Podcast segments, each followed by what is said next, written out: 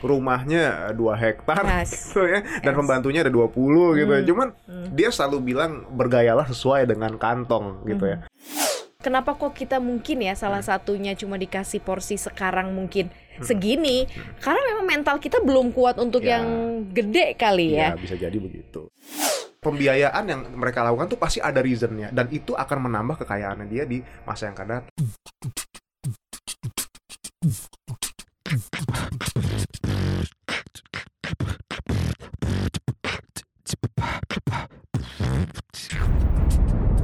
Cuap-cuap cuan. Halo Sobat Cuan, welcome di podcast Cuap Cuap Cuan Talk with Expert. Hari ini ada expertnya adalah Mas Akbar Aulia Aulia Akbar, Financial Expert CNBC Indonesia ya. Kita Talk with Expert selalu mengangkat tema-tema yang selalu dekat dengan keseharian kita Sobat Cuan Barusan nih, sebelum kita mulai kita lagi ngomong-ngomongin soal masalah Ih ganjil genap, eh lebih baik punya mobil dua kali ya Satu ganjil, satu genap. Apakah pola pikir kita sudah cukup sama dengan orang-orang yang tajir dalam tanda kutip memang mereka duitnya banyak dan bisa beli mobil banyak. Tapi ternyata enggak loh ya, karena kita pernah ada satu artikel yang dirilis juga sama CNBCindonesia.com itu mengangkat gimana sih cara orang kaya kemudian menggunakan uangnya melakukan kehidupan kesehariannya. Ternyata nih uh, Mas Aul lumayan lumayan surprisingly misalnya kayak Contohnya nih Raffi Ahmad, kita tahu kan dia udah kayak apa warawiri di TV, pergi ke luar negeri. Dia ternyata itu bangun pagi-pagi buta, tidurnya 4 jam doang sehari ya. Kemudian uh, CEO-nya Facebook kayak Mark Zuckerberg ya, Elon Musk juga. Dia tuh cuman pakai baju yang sama setiap hari, artinya beli baju yang sama warnanya, warna putih, kaos oblong doang gitu kan. Pakai sepatu juga yang itu-itu aja, nggak punya banyak koleksi branded atau limited. Karena buat apa kata dia? Toh juga ya nggak terlalu penting terlalu ternyata buat dia beli brand atau beli barang-barang yang branded. Ini sama juga dengan mindsetnya Warren Buffett ya, karena dia bilang juga dia nggak nggak peduli dengan baju rancangan ternama, iPhone terbaru, ponselnya cuma satu itu dipakai nggak ganti-ganti dari tahun eh, dulu-dulu gitu ya, dan nggak tertarik juga untuk mengganti dengan sesuatu yang baru. Sementara gue tadi sama Mas Akbar ngobrol soal ganjil genap mau beli mobil dua ya kan nggak ada pikiran kayak kayaknya sama sekali. Pajaknya apa kabar? Makanya, nah ini sebenarnya bisa nggak sih kita sebelum bener-bener kaya kita latih dulu mental kita untuk bisa jadi orang kaya nih, Mas Iya, Akbar. justru sebetulnya harusnya seperti itu ya mindsetnya dulu yang dibenerin. Tapi kalau kita bicara mengenai uh, si Zuk gitu ya, dia Hmm. bilang dia cuma pakai baju kayak gitu. Well, dia juga punya tanah di Hawaii. Abis Eh, itu dia iya, dia nggak sempat ngeluasin rumah. Abis itu ada tanah sengketa sampai akhirnya ribut tuh ya, tetangga-tetangganya. ya. mm, Dan dia juga uh, punya Pagani Huayra ya, apa Hmm. yang mobil tercepat di dunia Iya, itu. ya. iya. Tapi itu juga dia dapat ketika ya dia udah jadi bilioner pasti ya Mm, waktu dia mm. masih muda ya tentunya pola pikirnya beda ya dan kita juga mungkin kita bisa lihat banyak co-founder co-founder startup gitu ya di sini ya mereka hidupnya begitu gitu ya Mhm. kayak actually bisa dibilang lebih lebih kere gitu ketimbang lo ketimbang ininya gitu ketimbang karyawannya sendiri gitu Mm-mm. mereka rela ngegaji dia ngegaji pri, nge- ngegaji sendiri itu digaji yang di bawah rata-rata Hmm. asal Ya which is we never know ya kita nggak tahu dia sebenarnya Yes. gaji dirinya dia berapa sih gitu yes, ya. kayak gitu ya.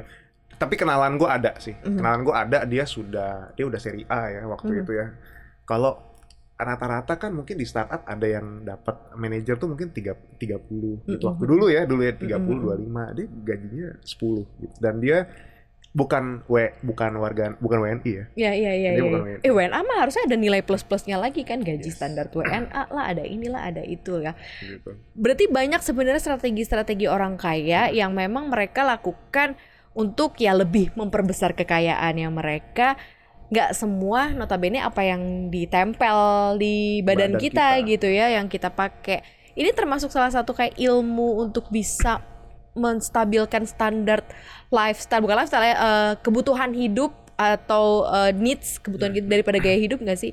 Karena orang kalau gajinya naik 100 ribu aja gaya hidupnya melambungnya tinggi banget. Ngopinya udah durasi apa ini apa frekuensi ngopinya dalam seminggu, seminggu nambah juga gitu. Dari Tugo bisa masuk kafe loh karena naik gaji 100 ribu loh.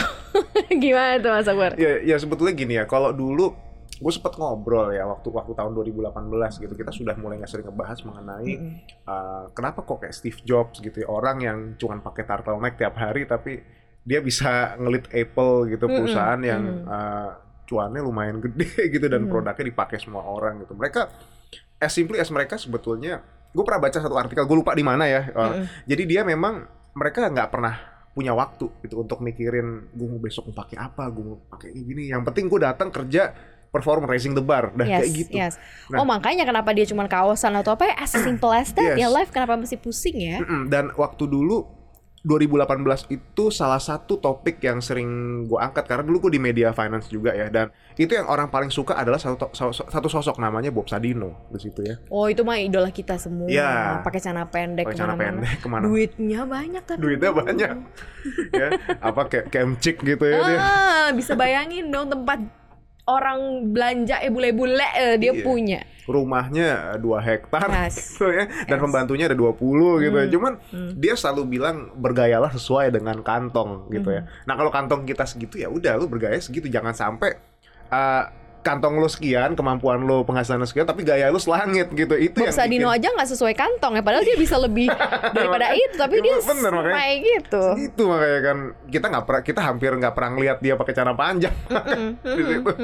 Ya, makanya ya, ya itulah sebetulnya persiapan uh, mindsetnya kita sebetulnya kita mindset mindset kaya itu penting gitu Mm-mm. karena at the end of the day ketika kita pegang duit banyak belum tentu kita bisa mindset kaya itu ya. Hmm. justru malah kita bisa jadi pengen terlihat lebih kaya lagi di depan orang gitu kita impress someone yang kita sendiri mungkin kita sendiri nggak suka atau gimana kita pengen kelihatan gitu Iya betul betul nah betul. itu yang akhirnya melukai uh, kondisi keuangan kita sendiri Ih sedih banget ya kondisi keuangannya malah dilukai karena lo kepengen selalu menyenangkan hati orang lain padahal repot banget nyenengin hati orang lain kan nggak dan- ada iya, Dan lu selesainya nggak suka pada dasar sama orang itu, tapi lu mau pamer, lu mau nunjukin kalau begitu. Itu yang itu yang bahaya banget ya. tapi emang du- duit itu eh, kenapa kok kita mungkin ya salah Hmm. satunya cuma dikasih porsi sekarang mungkin segini karena memang mental kita belum kuat untuk Ya. yang gede kali ya. Iya, bisa jadi begitu. kalau lo bisa ngatur yang kecil percaya deh mungkin next juga yang gede bakalan uh, terus masuk ke dalam kantong lo ya karena memang lo udah mature udah matang untuk bisa ngelola yang kecil. Nah kalau sekarang apa yang bisa kita adaptasi dengan si orang-orang kaya ini? Terutama bagaimana mereka mindset mereka terhadap duit. Gitu lo ngelihatnya kayak gimana mas uh, Akbar? Karena kalau yang gue lihat nih hutangnya orang kaya orang-orang Ya. yang mungkin punya apa ya istilah aset miliaran itu hutangnya juga gede Ya. But Ya, it's fine gitu ya. ya. Mungkin itu cuma 30% bahkan kurang daripada asetnya mereka. Tapi bagaimana mereka bisa mengelola itu kan? Bahwa memang ada juga ternyata orang-orang yang memutuskan untuk berhutang buat bisnis, mungkin berhutang untuk sesuatu gitu. Tapi banyak juga yang gagal gitu kan. Jadi akhirnya jadi ya udah mangkrak gitu aja jadi kayak nyicilin tapi nggak jadi apa-apa. Iya. Jadi sebetulnya gini ya, kalau personal finance kita bicara masalah personal finance itu Hmm. ada yang namanya net worth atau kekayaan bersih. Iya. Simple, rumusnya simple. Nah, Untuk kita tahu kekayaan bersih kita, kita totalin aset kita, kita kurangin sama utang kita. Mm-mm. Kita punya aset 100 juta, ya. Kita punya utang 50 juta. Hmm. ya udah kekayaan kita 50 juta. Nah, kalau misalnya kita bicara mengenai utang-utangnya orang kaya, gitu, Hmm. mereka juga berutang ya, tapi berutang untuk keperluan menambah uh, kekayaannya dia, baik itu secara income dia kredit modal kerja Hmm. gitu ya, atau si as simple as dia bisa aja berutang karena emang ada tuntutan bisnis pem- pembiayaan di situ Hmm, karena lu hmm. udah ke- ketika lu mengajukan uh, pembiayaan otomatis ke depannya saat dia butuh lebih gede lagi kan akan lebih gampang di situ ya Hmm. atau juga atau juga bisa jadi untuk dia memperkecil uh, biaya operasional usahanya biar Betul. nanti pajaknya nggak nggak mahal-mahal. Itu mah akal-akalan ya. Akal-akalan. Wi nggak tahu ya. tapi nggak tahu. Tapi maksudnya gitu ya pembiayaan yang mereka lakukan tuh pasti ada reasonnya dan itu akan menambah kekayaannya dia di masa yang akan datang. Nah sekarang kalau balik kita cuman ngajuin pembiayaan buat beli mobil ya ganti Hmm. ganti gadget ya, atau beli motor lah segala macam kita membeli suatu aset yang nilainya bakal terdepresiasi di masa yang akan datang. Itu nggak akan jadi net worth juga. Oke, nambah hari itu. Net worth lo nambah dengan adanya aset pribadi itu. Cuman Hmm. tahun depan, wah depresiasi 25 25% akan turun. Nggak ngaruh apa-apa. Turun lagi, tu- Hmm. turun lagi, turun lagi, turun lagi dan akhirnya kita gitu-gitu aja. Kita nggak kita nggak tambah kaya gitu. Terus Hmm. ya udah gitu. Nah, Jadi itulah. jadi Mas Akbar aku boleh dong nih sekarang pinjem duit mau ngutang karena mau bisnis. Nah nih Nah. karena belajar dari orang kaya gitu ya mereka bisa memperlebar kekayaannya atau Ya. memperbesar kekayaannya untuk jadi engine bisnisnya tambah Oke. pembiayaan atau utang nih. Mm-mm. Terus tiba-tiba ada nih kita sobat cuan tanya, "Aku boleh dong Mas Akbar, aku mau mulai nih gimana nih?" Oke, jawab? sebenarnya gua gua gua paling suka nih bah- masa bahasa bahas mengenai hal terkait uh, business financing nih, tapi mungkin lebih detailnya di next di lain Di kesempatan kali podcast ya. Tapi gini, intinya bisnis itu nggak semuanya harus ngutang untuk jadi modal gitu ya. Nah, kalau emang kita sendiri belum ada kompetensi ya, mungkin mungkin bukan kompetensi apa namanya kompetensi mungkin ada, cuman pengalaman lah di situ. Tapi kita sudah minjem duit gitu, kita minjem duit untuk mendirikan usaha yang dengan harapan kita bisa dapat berapa dari usaha itu. Risikonya gede Hmm. ya. Mendingan kita mulai dari yang kecil-kecil dulu. Bahkan kalau perlu kita nggak usah pakai modal aja untuk usaha nanti Oke. ya. Kalau memang waktunya sudah uh, sudah menentukan gitu ya, kita sudah scale up, barulah coba.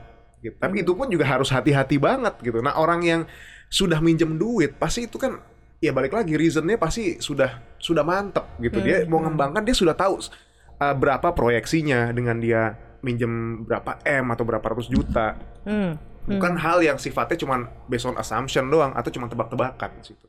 Ini yang sebetulnya harus diwaspadain gitu ya. Bukan berarti kita sekarang sekarang ngutang buat berbisnis itu baik gitu. Enggak, bisa jadi itu malah petaka gitu. ya. Hmm. Hati-hati sama yang namanya utang. Jadi nggak serta merta ya kalau misalnya kayak ayo kita harus kopi ini bukan kopi cara orang kaya untuk memperbesar kekayaannya. Mental kayanya dulu nih yang kita kopi, mereka Yes. kayak gimana sih biasanya gitu ya. Nah, terus kalau kita mengacu kepada mereka-mereka yang memang sudah berhasil, bisnisnya berhasil, terus kemudian networknya juga bertambah setiap uh, bulan, eh setiap bulan, setiap tahun ya, dan setiap bulan mungkin bisa nambah terus ya, Kak. apalagi itu dapat income dari bisnis. Kita bisa copy apanya sih? uh, apa the way ought to be rich yes Elah, jalan keluar menjadi Jangan kaya keluar menjadi porsi investasi gue yang harus lebih gede Oke. porsi apa namanya pendapatan income gue Hmm, yang lebih besar atau pengeluaran gue yang sangat minim hutang gue tidak ada Oke. makanya it is uh, become a way to be rich Nah, itu harus dilihat secara keseluruhan ya. Pertama, pasti gue akan menyarankan investasinya yang lebih besar, ya aset investasinya. Nah, ba- eh, seberapa besar sih sebetulnya aset investasi yang ideal? Kalau kita lihat financial planning, 50% dari total kekayaan bersih kita, dari kekayaan bersih ya, which means bukan bukan cuma aset gitu, contoh kekayaan bersih misal ya. kekayaan bersihnya 100 juta 100 juta gitu ya. Berarti 50 jutanya minimal banget itu adalah aset investasi.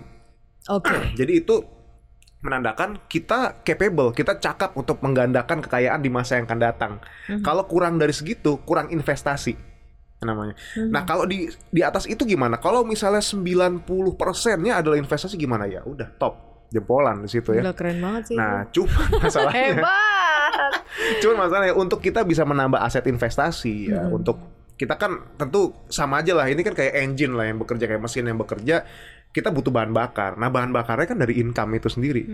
Kalau kita income-nya segitu-gitu aja ya, dan kita berupaya buat ngekat expense gitu ya, itu nggak akan efektif karena nanti seiring jalannya waktu harga akan terus naik inflasi gitu ya. Kan nggak pernah kita dengar eh, apa namanya iklan gitu Senin harga turun. Nggak ada. Senin harga naik. Kayak gitu minggu depan harga naik. Beli sekarang daripada besok harga naik. Kayak gitu pasti akan terus naik tambah income di situ. Bagaimana caranya? Ya kita mulai self development lah di situ ya. Kita mulai dari diri kita sendiri. Kita belajar belajar sendiri belajar dulu deh. Baru kita bisa menentukan ke mana atau atau gimana cara kita buat nambah penghasilan itu. Jadi sebetulnya komponennya di- dilihat dari banyak hal gitu ya. Pertama dari aset investasi dulu ya Aset investasi tadi ya 50% daripada kekayaan bersih Kekayaan itu harus bersih. bentuknya investasi. Mm-mm. Dan yang kedua adalah itu apa namanya eh, income sebetulnya income. income Kalau bisa ada side hustle-nya banyak gitu ya, income Yes. dari mana-mana ya. Oke, dan yang terakhir satu lagi gue tambahin, saving ratio. Nah, ini penting. Ah, saving oke. ratio itu adalah berapa besar al- alokasi kita untuk investasi setiap bulannya.